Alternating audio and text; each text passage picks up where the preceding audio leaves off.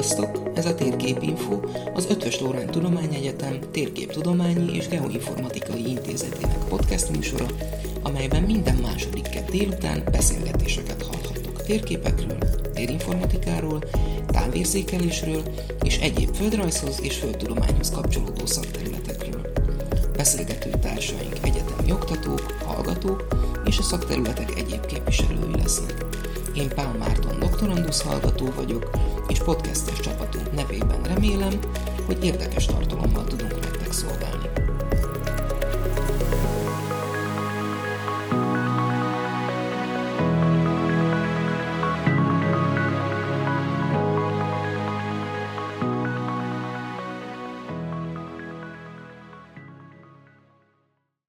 Köszöntjük a hallgatókat, Olá Krisztinával beszélgetünk, intézetünk legújabb csapattagjával, aki idén júniustól a intézetünk térképtárát vezeti, irányítja, próbálja a káoszt megszüntetni, és emellett egyébként e, itt folytatta, folytatja doktori e, tanulmányait is, és doktoriában csillagképekkel, csillagtérképekkel foglalkozik, és ez lesz ennek a, a beszélgetésnek is a témája, kicsit, e, kicsit konkrétabban csillagképek, illetve csillagkép történet át is dobom neked a labdát, hogy először is mondj néhány szót magadról, hogy kerültél te ide az intézetbe, illetve mi is az, amivel foglalkozol.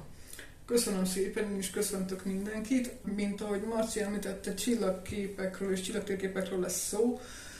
Az én doktori témám az csillagtérképek kartográfiája nevet viseli, és gyakorlatilag 2017-ben kezdtem el ezzel foglalkozni, amikor is a doktori képzés befogtam. Hogy miért pont ez lett a téma, az egy eléggé sajátságos szempontrendszer alapján alakult ki. Egyrészt a csillagászati térképek mindig is kívül estek a, a hagyományos térképészeti tudomány látószögéből, vagy, vagy területéről. A csillagászatnak általában nem elég csillagászat, a térképészeknek általában nem elég térképészet, tehát senki nem érzi magáénak ezt a területet. Éppen ezért nagyon kevesen is foglalkoznak ezzel, nemzetközi szinten is kevesen foglalkoznak ezzel. Viszont megvan az az előnye, hogy mivel a csillag, csillagosságból senkié tulajdonképpen, és ugyanakkor mindenkié is, ezért nincsenek nemzetekhez köthető sajátságos dolgok. Tehát el aránylag nemzetközi szinten jól kommunikálható az ebben folytatott kutatás. Úgyhogy én is ezért vágtam bele. Egyrészt érdekel a csillagászat, Másrészt ez a terület Magyarországon még kevésbé megkutatott, harmadrészt pedig saját magam is, hát mondjuk úgy, hogy elkötelezett hívőjük a szép térképeknek, és a csillagászati térképek általában szépek, rendkívül szépek tudnak lenni, és ez nagyon vonzza az én érdeklődésemet, úgyhogy ezért kerültem közelebbi kapcsolatban a csillagtérképekkel. Ez minek köszönhető egyébként? Mert hogy valami, valamilyen szempontból minden térkép szép egy térképésznek, de gondolom, gondolom a csillagtérképeknél most így 1.0-ás hozzáértéssel azt tudom elképzelni, hogy azért szépek, és azért vannak rajta szép alakzatok, alakok, formák, díszítések, mert ugye csillagokon kívül olyan sok mindent nem tudsz térképezni a, a régen. Valahogy el kell adni ezt is, Igen. Igen, így is volt egy. Ugye e, ez változott, ez is egyébként egy érdekes folyamata a csillagtérképkutatásnak, hogy a, a korai csillagtérképek nem voltak ezért ennyire díszesek, azok eléggé funkcionális szerepeket töltöttek be, ugye navigáció uh-huh. tekintetében kellett ezen el igazodni, és ott például rendkívül zavaró volt, hogy különböző firkálmányok vannak a csillagok uh-huh. körül, és nagyon nehéz volt ezeket azonosítani a látottakkal. És amikor elkezdett a csillagászati ismeret, kvázi ismeretterjesztő irányba haladni, akkor ugye már valahogyan kellett manifestálni azokat az alakokat, azokat a akár emberi, akár állati, akár egyéb csillagképeket, amelyekről szólnak a csillagtérképek, és ezeket úgy tudták leginkább jól láthatóvá tenni, hogy köré rajzolták az alakokat. Ezáltal a szemlő számára is könnyebben azonosítható, Ráadásul sokkal egyszerűbb a, a valós életben megtapasztalt csillagképeket is ezek köré, a, a rajzolt alakok köré vonni, és ezáltal jobban felismerhetővé teszik a napi, illetve bocsánat, az éjszakai észlelésben a csillagképeket. Tehát, hogy így Valószínűleg a, a maga módján ez is egyfajta művészeti ág volt. Ugye nem szabad elfelejtenünk, az el, első nyugodott csillagtérképet azt Dürer készítette maga, és ugye hát tudjuk az ő munkásságát, az ő előletét, rendkívül szép és rendkívül míves anyagok jöttek ki ebből a szempontból, csillagászati szempontból ebből a, a korszakból is, és a későbbiekben is ugye egyre inkább látványos, szép, díszes, nagyon szépen színezett térképeket láthatunk ebben a területen, ezen a területen. Úgyhogy valószínűleg ez a, ez a háttér, hogy ezért szépek annyira a csillagászati térképek, mert egyrészt ugye nem földrajzi témát ábrázolnak, hanem emberközeli állatokat látsz rajta, embereket látsz rajta, használt tárgyakat látsz rajta. Hát, amiket belelátott a, a kor embere. Igen, erről is fogok majd beszélni, hogy hogyan alakultak ki a csillagképek, illetve miért is alakultak ki csillagképek. Illetve mutatok majd, vagy mondok egy-két olyan témát, egy-két olyan unikális dolgot, amiről valószínűleg kevesen tudnak, vagy kevesen hallottak. Úgyhogy a, és a díszesség ugye nem, nem szabad hogy időszakban a térképek azok díszítő elemei voltak egy-egy tudós ember könyvtárának lakásának, tehát hogy ez is biztosan bejátszott, hogy egy főúri kastélyban, egy könyvtárszobában szép dolgokkal vették körül az emberek. Ezek az ábrázolások mennyire követték a művészeti stílus irányzatokat? Ó, erről külön tudnánk tartani.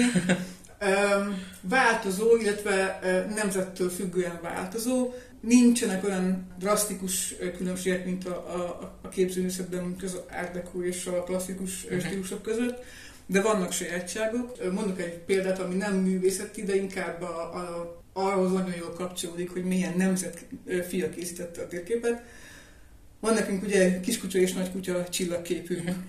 Annyira jellemző, hogy az angoloknál milyen kutya fajta szerepel, a franciáknál milyen kutya fajta szerepel, és, és nagyon sok ilyet, ilyet lehet felfedezni, ha nem is az állatoknál, de mondjuk az emberi öltözékeknél. Ott ugye Na, ez az alakok kor kötődése, ugye ezek mitológiai alakok egy része, egy része kortárs alak, ezeknek a korkötődése adott, de a, azoknak a ruházati elemeknek, attribútumjelölő kiegészítőknek az ábrázolása pedig nagyon sajátságos tud lenni, ami az ő kezükben van, vagy, vagy, vagy rajtuk van. Tehát hogy ezekben nagyon jó szemelvényeket látunk az adott korszakra vonatkozóan. Időkapszula. Abszolút, igen.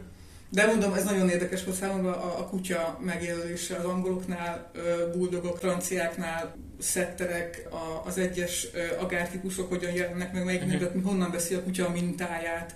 De hogy az is nagyon érdekes, hogy például azok a csillagképek, amelyek olyan dolgokat ábrázoltak, amit az adott nemzetfilm még nem látott sosem. Láss például Delfin, uh-huh. vagy láss például a Cet ábrázolás, ami ugye eleve egy mitikus alak, nagyon sokan a, a, a valós cettel ö, ö, próbálják ezt párhuzamba vonni. Ezeknek az ábrázolása nagyon érdekes, hogy honnan veszik a mintát, hogy hogyan néz ki egy delfin úgy, mint hogy egy delfin sose nézett ki. De hogy ugye nem volt mintájuk, sok-sok embernek az oroszlánról sem volt mintája a korai időszakban, ezért vannak nagyon furcsa, picit humanoid beütésű, antropomorf jellegű állatábrázolások nagyon nagy kérdés ugye a, a csillagászati ábrázolásoknál, hogy a, a nagymedve, kismedve konstellációkban miért van a medvének farka. Uh-huh. Mert ugye a medvének nincsen hosszú farka, mind a két csillagászati ábrázolás módban, a kismedvénél is, a medvénél is azt tapasztaljuk, hogy hatalmas lampos farokkal rendelkezik, mint egy farkas körülbelül. A mi ismereteinknél az európai barna medvének nincsen farka. Tehát e, ezek ilyen nagyon sajátságos dolgok, amik az ábrázolásnak egyfajta inkább kultúr tapadását próbálják uh-huh. mutatni, és persze akkor még nem is beszélünk arról, hogy az egyes különböző kontinensen megjelenő csillagászati ábrázolások azok hogyan és mit azonosítanak egyáltalán. Tehát, hogy miért van az, hogy a, az amerikai kultúrkörben megjelenő csillagászati képek teljesen más jelleget öltenek, miért van az, hogy a kínai csillagászati kultúrkör egy teljesen más felosztás és egy teljesen más csillagászati rendszert alakított ki, és ezek hol kapcsolódnak, egyáltalán kapcsolódnak egymáshoz, hogy vannak egymásra hatással, vannak egyáltalán hatással, vagy nincsenek. Illetve az európai kulturális közegben is vannak olyan sajátosságok, amik, amik ugye nálunk is kérdéseket vetnek föl, mondok csak egy példát, az angolok merítőkanálnak nézik a mi göncölszekerünket. Tehát, hogy így, és ezek, ezek nem annyira jelentős különbségek, és nem is óriási különbségek, de azért vannak sajátos nemzeti különbségek, amelyeknél ezek megfoghatóak. mi ezeknek a képeknek az eredete? Kezdjünk bele akkor ebbe a Ah, nagy merítésbe, ha már 20 perc után, is. igen, 20 perc után kezdjük bele a témába. Én azt gondolom, hogy nem, nem mennék bele nagyon mélységében a dolgba. Egyrészt, mert uh, tényleg napokat lehet erről beszélni, másrészt, mert rengeteg olyan információ van, ami, ami érdekes lehet ezzel kapcsolatban. Úgyhogy én, én mediász rész belevágnék egy uh, időszámításunk szerint 150 körüli időszaknál, ahol is uh, Ptolemaios nevét kell megemlítenünk. Ptolemaios ugye hellén csillagász, matematikus, geográfus, és még nagyon sok mindenben éleskedő ö, tudós ember, aki ebben az időszakban adja ki az Almagest nevezetű csillagkatalógust. Ez a katalógus azért nagyon fontos, mert ez volt az első olyan csillagkatalógus, ahol rendszerszerűen voltak összerakva az akkor ismert csillagok és csillagképek. Nagyon fontos kiindulási információ, 1022 csillag és 48 darab csillagkép volt ekkor a, az európai kultúrkörben, és nagyon fontosnak vélem hangsúlyozni, hogy az európai kultúrkörről beszélek, tehát ebben a korban, illetve a későbbiekben is tőlünk, mert az európai kultúrkörtől függetlenül párhuzamosan rengeteg olyan csillagászati tudás fejlődött ki, amit én most itt nem fogok megemlíteni, de hogy arról is órákat lehetne beszélni, akár a keleti, akár a nyugati irányba megyünk, teljesen más jellegű és más szemléletű, de párhuzamos fejlődéseknek lehetünk ebben a korban a tanúi. Úgyhogy én az európai kultúrkört említem ki, és ennek az első igen fontos ö, lépcsőfok a Ptolemaios és az Almagest. Mint említettem, 48 csillagképről beszéltünk erről, ezek általában mind forrásukat tekintve, mind megnevezésüket tekintve, mind pedig magukat a, a csillagkép alkotó csillagokat tekintve már ősi időkre visszanyúló gyökereket bírnak. Tehát nem egységes és nem ekkor kialakuló dolgokról beszélünk, hanem ekkor már a tudásban lévő képekről, amelyeket Ptolemaios rendszerezett és összegyűjtött. Ami nagyon fontos, akkor már ugye megjelent az zodiákus, amiről elmondom, hogy micsoda, hát ha van, aki esetleg nem teljesen pontosan tudja. A zodiákus, vagy más néven állatöv, ez az a égbolt részlet, ami lefedi a nap látszólagos útját az égbolton, ezt hívjuk ekliptikának. 12, illetve bizonyos felosztás szerint 13 ö, részből áll. Mindenki nagyon jól ismeri már, hogy a horoszkóp az ugye ezen alapszik. A 13.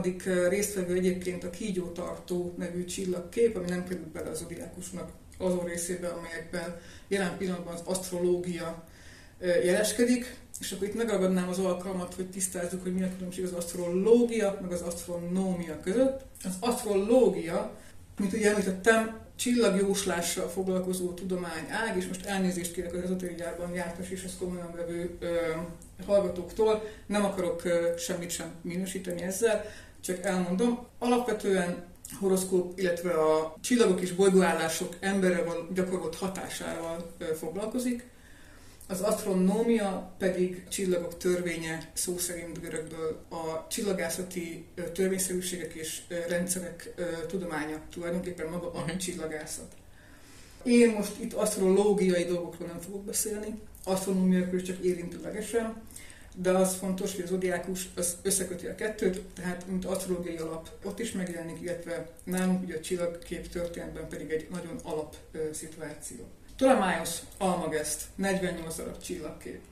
Nagyon fontos elmondani, hogy Ptolemaios ezt a rendszert egy eléggé szoros, jól követhető és átgondolt rendszerben, rendszerré alakította, melynek következtében nagyon sokáig nem nagyon volt törekvés arra, hogy ezt megváltoztassák. Egyrészt, mert nem akarták felrúgni az itt kialakított struktúrát, másrészt pedig az összes megfigyelés, az összes ezzel kapcsolatos tudományos információ ebbe a rendszerbe került be, tehát nagyon nehéz lett volna ezt átalakítani.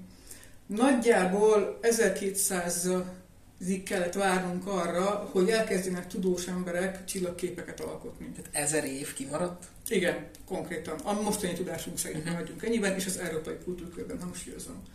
Ezer év után jött el az az időszak, amikor úgy gondolták, hogy van még szabad kapacitás az égen, vannak még csillagok, amelyek azok időközben feltűntek, vagy azonosításra kerültek, vagy egy, egy más ö, tudós embernek fontossá váltak, És nagyon fontos, hogy ebben a korszakban nincs szabályozása az égboltnak. Tehát nincs olyan, hogy valaki az égbolt fölött egyedülalkodó, és megmondhatja, hogy ott mi lesz, vagy mi van.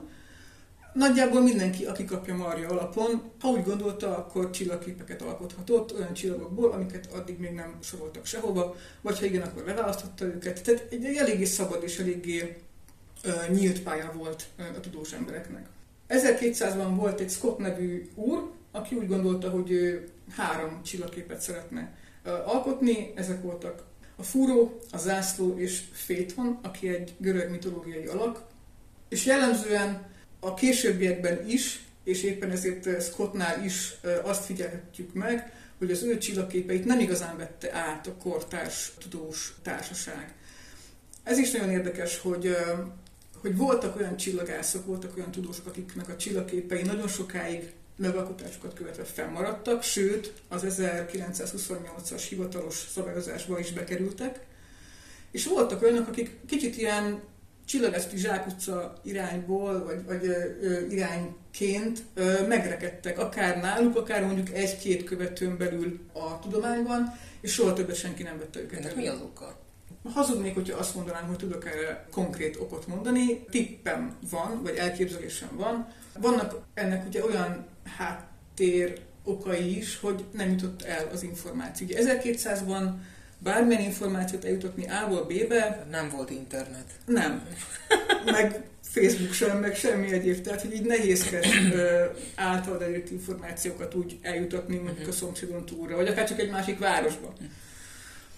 Ez az egyik. A másik, uh, amit mondottam, nem volt rendszer szintű maga az égbolt felosztása, ezért előfordult, hogy egyik országban valaki csinált X csillagképet egy helyre, a másik országban egy másik tudós ugyanarra csinált egy másikat, egy idő után ez kaotikus rendszert mm. okozott. A lényeg az, hogy, hogy sem az információ nem volt ebből a szempontból megoldott.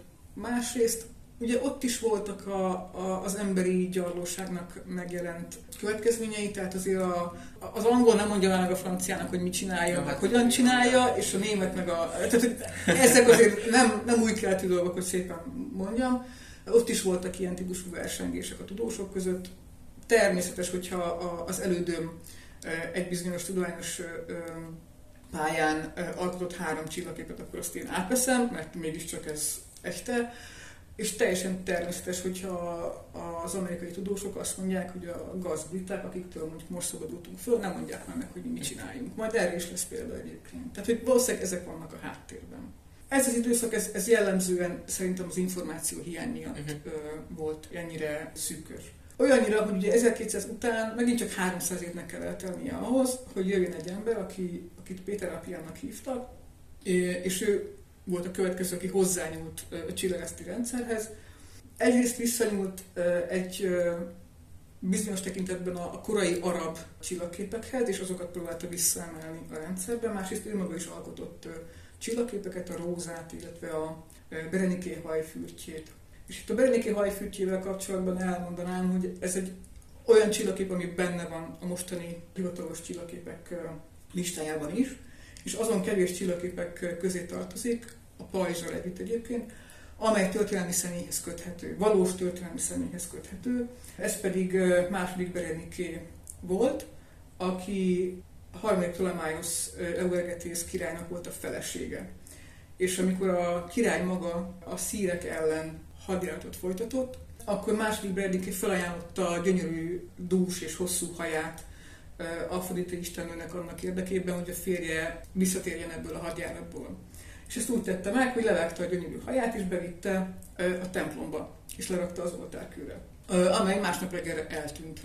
Ami nem vetette túl jó fényt a templomban dolgozó papokra, éppen ezért Konon, aki az udvari csillagász volt, annak érdekében, hogy valahogyan csillapítsa a király és a királynő haragját az eltűnt haj miatt, illetve megvédje a papokat, akik mhm. ugye véletlenül hibát vétettek. Ő találta ki azt, hogy nem tűnt el, hanem annyira megtetszett Afrika Istennek ez az áldozat, hogy fölemelte az égbe, és azóta is az ég közé, az égiek közé tartozik, és akkor kinevezett egy területet, ahol ezt a csillagképet rakta. Nem rossz elmélet. Mondjuk azt, hogy az első igazi nagy mentése volt ez.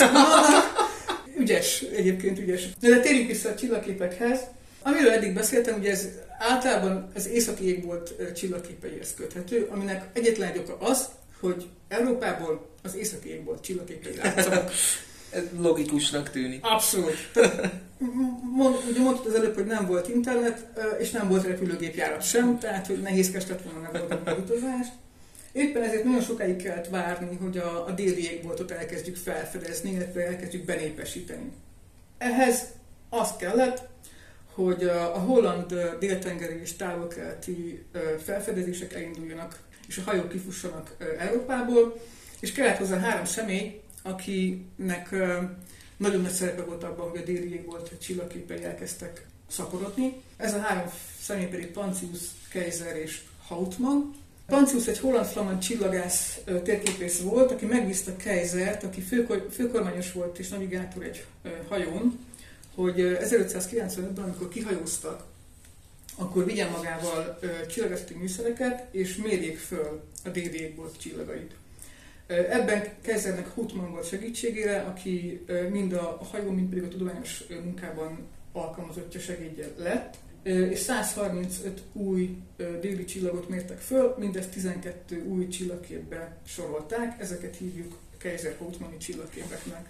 Maga a sztori tovább folytatódik, Houtman tovább vitte ezt a déli égbolt felfedezéses sztorit, és amikor legközelebb Szumátrára ment és börtönbe került, ott ő maga is végzett csillagászati megfigyeléseket és további csillagokat katalogizált. A lényeg az, hogy a déli égbolt első benépesítése az Kaiserhez és Houtmanhoz köthető. Itt, amit kiemelnék, az általuk kreált csillagképekből, illetve Plancius által kreált csillagképekből, az a zsiráf csillagkép. Az első ábrázolásokon a zsiráf csillagképet Camelopardalisnak, vagy Camelopardusnak írjuk, vagy írták hivatalosan. A kicsit vágyfülőek észrevetik, hogy a camel, camelo az a tevéről jön, a pardus, pardalis pedig a párducból, és ez tipikusan a teve soha nem látunk még olyat. Egy olyan teve, aminek párduc mintás bundája van.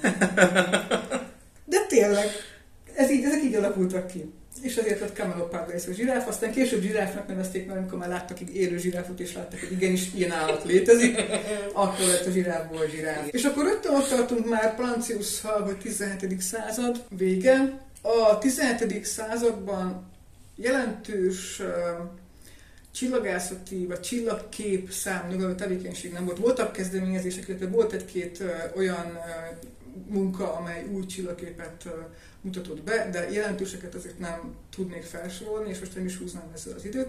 Viszont amit kiemelnék, az ebből a korszakból a keresztény csillagképek tematikája. Keresztény csillagképek megjelenése egy Julius Schiller nevű egyébként ügyvéd úrhoz köthető, aki úgy gondolta, hogy mi balga az, hogy egyébként egy keresztény kultúrkör a, körülöttünk lévő csillagokat pogány, ősi, mitikus vagy mitológiai alakok köré vonja, és ezekbe csoportosítja, és ő megalkotta a keresztény csillagképek rendszerét, és több követője is akadt egyébként. Tipikusan ő volt az egyik olyan, aki, akinek a munkája túlélte a saját életét. Egészen Bárcsig és Hardörfi, tehát több olyan tudós volt, aki átemelte a keresztény csillagképek rendszerét a saját munkájába. És úgy osztották fel ezt a rendszert, hogy az északi égbolton az új szövetségből vett alakokat és tárgyakat, a déli égbolton pedig az ószövetségből vett alakokat és tárgyakat vették. Volt ennek valamiféle alapja? Tehát, hogy az új az északi féltekén, az Ószövetség pedig a déli féltekén? Hogy miért pont, miért pont ez a felosztás? Igen. Nem tudok róla, és a források sem árulkodnak ilyesmiről. Szerintem ez csak egy alkotói elhatározás uh-huh. volt. Sok esetben nem mentek túlságosan messzire a, a korábbi csillagképekhez képest. Tehát például a az Eridanus folyó, ami a klasszikus csillagképek között szerepel, az a keresztényeknél a Vörös-tenger, ahol Izrael népe átkel ugyebár. Az Argonavis, ami ugye az argonauták hajója a klasszikus rendszerben, ott Noé bárkája. Uh-huh. Tehát van egyfajta ilyen alaki hasonlóság, hogy nevezük így a két rendszer között, de vannak tök ellentmondásos, természetesen tök ellentmondásos, vagy ellentétes, vagy inkább nem is egymáshoz köthető csillagképek lévén, hogy mondjuk Andromedát nehéz lett volna valahogyan párhuzamosítani a keresztény rendszerben, Andromedából lett például Krisztus sírja. Maga a munka egyébként gigantomán, és nagyon szép, az Atlas, ami ebből készült, rendkívül szép és díszes, a mai napig egy nagyon impozáns és nagyon látványos eleme a térképtörténetek és a térkép, térképek között egy nagyon jelentős helyet foglal el. Sajnos egy idő után kikapott azért a köztudatból. Ennek több oka is volt. Egyrészt gondoljunk bele abba a szituációba, hogy van egy tudományos alapokon nyugó rendszerünk, amit azért használunk valamennyire majd egyszer csak jön valaki, aki azt mondja, hogy ennek az alapnak a rendszerét, a struktúráját változtassuk meg teljesen más elnevezésekre. Elképesztően nagy munka lett volna. Arról nem beszélve, hogy az országnak, vagy bocsánat, a világnak egy nagy része az nem keresztény ebben a korban. Ott azért visszás ö, lenne azt mondani, hogy már pedig akkor most mindenki ebben a rendszerben gondolkodjon. Nem is gondolom egyébként, hogy ez lett volna a célja ennek a dolognak. Egyszerűen egyfajta korszakban jelentős a kereszténység, vagy a keresztény kultúrköt megerősítő tevékenység volt. És valóban egy nagyon látványos és nagyon szép munka született belőle, és nagyon sokáig még jelen is volt a tudományos közegben. A 17. század vége felé már ugye megindul a, a tudományos élet fellendülése, ott két nevet kell mindenképpen megemlítenem. Az egyik Hevelius, ami, aki általában egy olyan csillagász, akinek ismerni szokták a nevét. Azt kevesen tudják róla, hogy eredetileg sörfőző volt. Éles váltás. Sőt, 43-ban ő lett a helyi sörfőző cégnek a vezetője. Tehát ilyen szinten művelte a sörfőzést.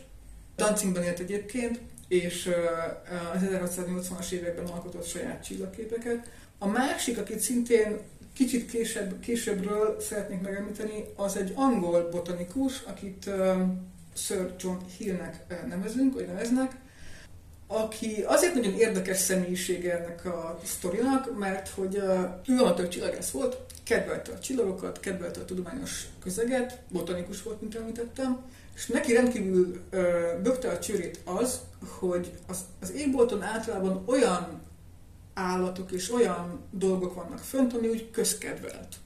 Tehát kutyák, meg macik, meg nem tudom. Tehát hogy alapvetően vannak olyan típusú állatok, állatcsoportok, amik közkedveltek, valamilyen szempontból jól ismertek, és ugye mindenki megtalálja benne a saját területén hasonló típusú állatokat, ő volt az az ember, aki azt mondta, hogy már pedig ő ezzel szakít ezzel a hagyományjal, és ő megalkotott 16 darab csillagképet, amely 16 darab csillagkép azoknak az állatoknak állít emléket, vagy, vagy próbál emléket állítani, amik nem annyira közkedveltek, mint például a pióca, vagy a kaszáspuk, vagy hadd nem a mesztelen csigát. Tehát a földi lisztát, ilyen csillagképeket alkotott az öreg, és rendkívül uh, büszke volt magára, sajnos senki nem vette át tőle ezt a, ezt a rendszert. Pedig nagyon szépen kimunkálta, hogy mely csillagokból állnak ezek a csillagképek, hol helyezkednek el, térképekkel, kis könyvben kiadva, nagyon gusztusosan megcsinálta magát a munkát, és valóban olyan állatok voltak benne, amelyek nem annyira közkedvetek, nem annyira uh, szereti mindenki. Valószínűleg ennek köszönhető az, hogy soha senki nem foglalkozott az ő munkájával. De érdekes megfogalmazása a csillagkép készítésnek, és egy tipikus példája annak, hogy akkoriban bárki, aki azt gondolta, hogy ő csinál egy saját csillagképrendszert, azt csinálhatott. Uh-huh. Kiadta könyvben, ott volt. Hogy azt kivette át, kihasználta, kihivatkozott rá, ez egy más kérdés, de hogy így lehetőség az volt. Kutya legyek, azt gondoltam, kutya legyek. azt gondoltam egyébként, hogy botanikusként már növényeket talált ki. Alapvetően nagyon kevés olyan növény van az égbolton, amely csak önmagáért állna. Van Károly tölgyfája például csillagképben, de az igazából emléket állít valakinek, és nem maga a tölgyfa fontos. Tehát így növényben nincsen csillagképünk sok. Még szintén a korszakhoz tartozik, és a 18. század közepére tehető, az egy újabb déli csillagkép bővülés, ami Lakhai nevéhez fűződik. Ő a Francia Tudományos Akadémia megbízásába utazott délre, különböző csillageszti méréseket végzett, és alapvetően iszonyat mennyiségű csillagot, több mint 9000, 9800 csillagot katalogizált ezen útja alatt, és 14 új csillagképet alkotott. A mennyiségre vonatkozóan csak annyit mondanék, hogy a, az Argonavisnál korábban említett Argonavis argonauták hajója csillagképet felosztotta három részre, mert hogy olyan mértékűek voltak a bővülések már, hogy nem tudta egyben kezelni őket. Lakály után gyakorlatilag a, a csillagképek száma az elérte a maximumot. Az 1800-es évek elején Bode, aki egy nagyon jeles képviselője volt ennek a területnek, Bode atlaszában 112 csillagkép szerepel. Ha emlékezzünk vissza, Ptolemaiosnál 48 volt a kiindulási pont, ez majdnem háromszoros bővülés, iszonyatos káosz uralkodhatott ebben a korszakban a csillagászok között. Tehát ez a, itt már nem lehetett követni, hogy ki mit csinált, ki mikor csinálta, mit tekintünk annak és mit nem tekintünk annak. És sajnos ez így is ment egy darabig. A 19. század arról szólt, hogy megpróbálnak valamilyen rendszert kialakítani. Amely végül abba torkolott, hogy 1928-ban azt mondta a Nemzetközi Csillagász Szövetség, hogy jó, akkor itt most rendet teszünk, és kiadta egy Delport nevű csillagász szakembernek, hogy akkor legyen kedves rendszert alkotni ebben. Ennek következtében az lett, hogy Delport meghúzta a csillagképek határát, lehatárolta mindegyiket vízszintes függőleges vonalakkal, amelyek aránylag jól azonosíthatóak a korábban lévő görbe és gírbe határokhoz képest. Egységesítette az elnevezéseket, minden csillagképnek egy tagú neve van, minden csillagképnek van három betűs rövidítése, és minden csillagképben megvan, hogy mi tartozik bele. Uh-huh. Ez az ő rendszere, ezt kvázi kanonizálták a szövetségben, és onnantól kezdve ez az akkor kialakított 88 darab hivatalos csillagkép van az égen. Ami azt jelenti számomra, mint csillagtérképekkel foglalkozó ember, ember számára, hogy 1928 után nincs változás a mhm. csillagtérképekben. Előtte nagyon sok a változatosság, utána már nincs változás. Sem a csillagképek megnevezése, sem a lehatárolás tekintetében. Ami ez, ugye, így, ez így is van? Bővülések természetesen vannak, tehát a csillagtérképek egy ideig tudták követni a felfedezett csillagok számát. Aztán a, a, a tudomány fejlődésével, a csillagászati észlelő tudomány fejlődésével olyan mértékű lett, olyan ö, nagy mértékű lett a csillagok számossága, hogy ezt papíralapon már nem lehet követni. Uh-huh. Tehát, hogy vannak csillagtérképek még a 920-as, 30-as évekből, de itt már kezdünk elmenni ugye a, a katalógusok irányába, és kezdünk elmenni abba az irányba, hogy a papíralapú ö, dokumentálás az, az nem alkalmas arra, hogy azt a számosságot és azt a ö, mértékű növekedést le tudja követni, amit a csillagászok le tudnak követni ö, észlelés szintjén. Tehát innentől kezdve gyakorlatilag már a tudomány növekedése, a tudomány fejlődése olyan mértékű növekedést eredményezett, hogy ott a csillagtérképek funkcionális értelme elveszett. Katalógusok lettek, aztán ugye a digitális korszak, azt végképp, meg a rádióészlelés, az már végképp uh-huh. elvitte ennek a, a jelentőségét és az észlelését. Egy-két érdekes csillagképről még beszélnék, ha van időnk. Egyrészt korábban említettem, hogy, hogy nézzük meg, hogy milyen típusú csillagképek vannak. Jellemzően öt olyan nagyobb csoportot tudunk elkülöníteni a csillagképek között, amelyek szerepelnek akár a hivatalos, akár az előtte lévő mondjuk úgy, hogy kaotikus rendszerben. Az állatok jelentős mennyiséggel viszik a, a darabszámot természetesen. Ezek nagy része valós és közkedvelt és sok földrészen elterjedt állat, egy része pedig eléggé sajátságos. Gondoljunk itt mondjuk a hídőnek a, a, a, a csigájára. Van egy nagyobbik része a következő csoport a, a tárgyak, a különböző tárgyak, amelyek vagy emléket állítanak valamely éppen aktuálisan keletkezett felfedezésnek vagy történésnek, vagy pedig egy teljesen standard mindennapi használatban, vagy navigációban fontos és jelentős szerepet kapó használati tárgy, iránytű, mikroszkóp, ha ne soroljam. Amit kiemelnék, és amit, amiről talán kevesen tudnak, hogy van létezett valamikor léggömb csillagképünk is, amely a, a nagyon emlékezetes francia utazást próbálta, annak próbált emléket állítani.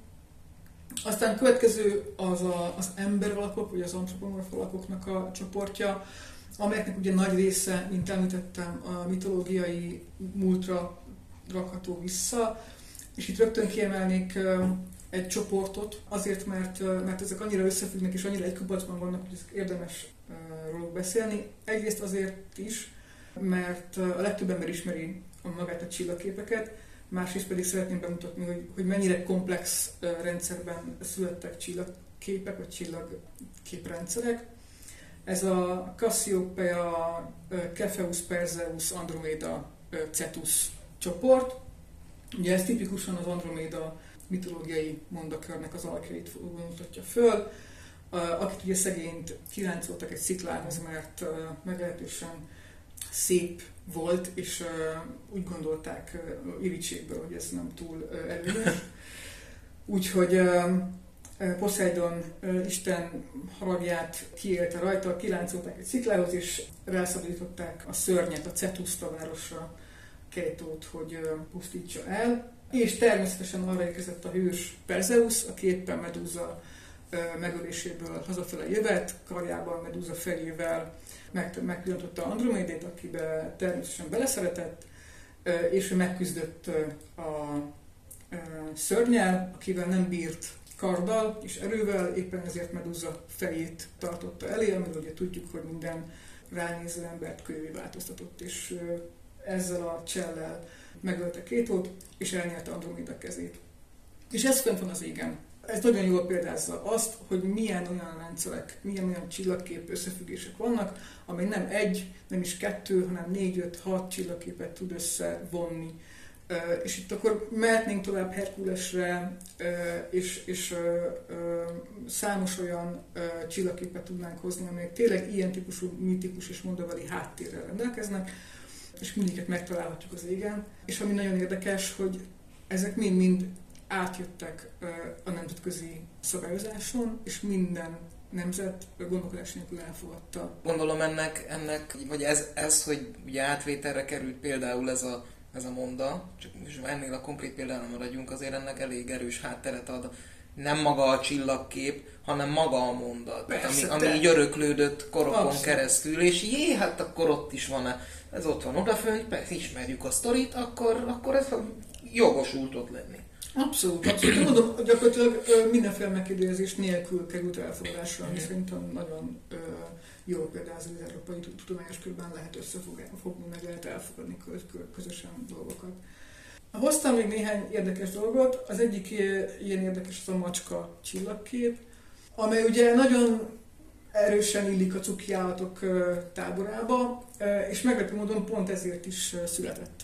1799-re datálják, egy Lála nevű francia csillagász nevéhez kötődik, aki mondta, hogy ő imádja a macskákat.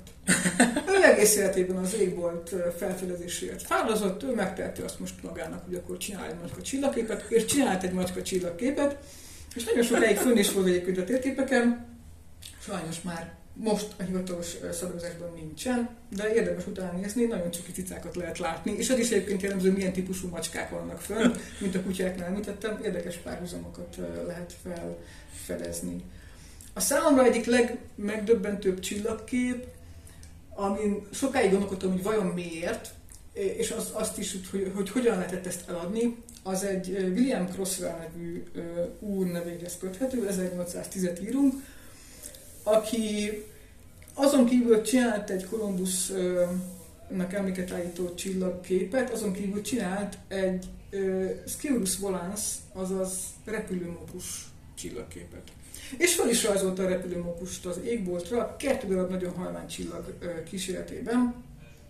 Nem nagyon találtam róla információt, hogy ezt miért alkotta meg. Valószínűleg valami hasonló élménye lehetett, mint mondjuk Moniernek a, a Rigóval, aki Ről tudjuk, hogy is alkotott egy Solitaire nevezetű csillagképet, Magányos Rigó a magyar megnevezése, mert hogy ő volt egy utazáson, ahol látott egy ilyen ottani jellem, jellemzően a területre jellemző madarat, és ezen felbuzdulva alkotott egy ilyen csillagképre, hogy nekem még állítson. Lehet, hogy repülőmokusra is ez történt, nem tudom még egyenlőre. És akkor a végére még két dolgot ha lehet. Az egyik az, a, hogy legyen szó az egyetlen magyar vonatkozású csillagkép készítőről is. Ilyenünk is van? Igen. Uh, ő Helmiksa. Hm. Helmiksa, aki ugye Ugye 1720 Helmiksa megszületik, uh, Selmeci gimnázium, majd jezsuita rend, már a, a korai időszakban is ugye uh, leginkább filozófiai és természettudományos irányban mozgolódik, és oly, oly mértékben komolyan veszi a csillagászati tevékenységet, hogy uh, 1755-re Mária Terézia kinevezi a Bécsi csillagra élére, mint vezető csillagász, király udvari csillagászt. Ő volt az, aki 1789-ben megjelentetett egy munkát, egy iszonyatosan hosszú latin címmel, amit most nem mondanék el. Ebben a munkában, ebben a könyvben van négy darab térkép melléklet, és a négy darab térkép csillagtérkép melléklet, és a négy darab csillagtérképen szerepel három darab csillagkép. Hogy miért készült ez a három darab csillagkép? Ugye említettem, 1789-ben jelent meg a könyv, egy 1781-es eseménynek állít emléket, amely esemény során Herschel új égitestet fedezett fel. Az új égitestet először György csillagának szerette volna elnevezni, amely azért hogy mondjam szépen, elég nagy ellenállásra ütközött a csillagászati körökben. Egyrészt azért, mert György ugye ebben a kontextusban harmadik Györgyre utal az angol királyra. Az amerikai tudósok azt gondolták, hogy ők nem igazán szeretnék angol csillagképeket, főleg nem Györgyel kapcsolatos csillagképeket az égen, tehát ott volt egyfajta ellenállás. Nem is nem vették át, hogy elindult egy ilyen névadó folyamat a csillagász berkeken belül. Láland, akiről az előbb beszéltem a Tica kapcsán, ő azt mondta, hogy legyen Herschel, mégis Herschel fedezte fel, akkor legyen Herschel. Nem ment át ez a fajta javaslat. Végül a megoldást Bode hozta, aki azt mondta, hogy az összes többi naprendszerben lévő bolygóval hasonlatosképpen nevezzük el görög istenek után, és ez lett az Uranus. Tehát Helmik az Uranus felfedezésének apropóján alkotott három darab csillagképet, amiből kettő Herschelnek állít emléket, ez Herschel kisebbik és Herschel nagyobbik távcsöve, és egy pedig harmadik György királynak, aki ugye pénzelte Herschel munkásságát, támogatta, bocsánat, Herschel munkásságát, ez pedig a György hárfája. Ezek sajnos Rövid életű csillagképek voltak, nem kerültek bele a hivatalos szabályozás után a rendszerbe, úgyhogy manapság már nem találhatóak meg az égbolton, de érdemes utána nézni, nagyon szép konstellációk. És akkor egy dolgot szeretnék még elmondani, ami érdekes lehet, és talán, talán annyira érdekes, hogy mindenki magának érezheti. Ez pedig a, a korábban már említett zodiákus ügyekkel kapcsolatos, illetve egy zodiákus ügyekkel kapcsolatos, ez pedig a Bak csillagképre vonatkozólag. Martin, tudod, hogy mi a Bak csillagképnek a megjelenítése? Ne kérdezzek. Kettőt könnyebb, igen. Oké. Okay. Jó, um, akkor elmondom az... Nem a szarv? Hogy... Uh, igen, a játlagos uh, halandó ember, hogyha azt mondjuk, hogy bak csillagkép, akkor a kecskebakot vizionálja maga előtt, mint, mint hát uh, ezen uh, csillagkép manifestációja. És nem is áll messze egyébként a valóságtól, azt leszámítva, hogy a korai uh, ábrázolásmódok és az összes korai forrás az általában bakhal, akkád bakhal kontextusban értelmezi a bak csillagképet. A Capricornus az nem kecske bak, hanem egy kecske felsőtestű és egy hal alsótestű élőlény. Jézusom. Két olyan nézet van, azt le kell szögeznem, hogy nincs hivatalos és egyértelmű forrás arra, hogy ez miért alakult így kettő olyan ö, jellemzően ö, ismert ö, teória van, amely meg tudja magyarázni, hogy ez miért alakulhatott így. Az egyik ö, az egy sumér AI istenhez kapcsolódik, aki a tengerből kiemelkedvén az embereknek adta a tudást, és egy ö, kecske felsőtest és egy halfarokban végződő testtel ábrázolták a másik, ami nekem jobban tetszik, az a görögök verziója, akik Pán alakjához kötik ezt a csillagképet, mégpedig úgy, hogy Pán vízben fürdőzött. És Tyfon, amikor észrevette, hogy Pán a vízben fürdőzik, akkor megijesztette Pánt, Pán pedig Páni félelmében, érted? Pánik. Igen, alakot akart váltani, és az alsó fele hal lett, viszont a felső fele az kecske maradt.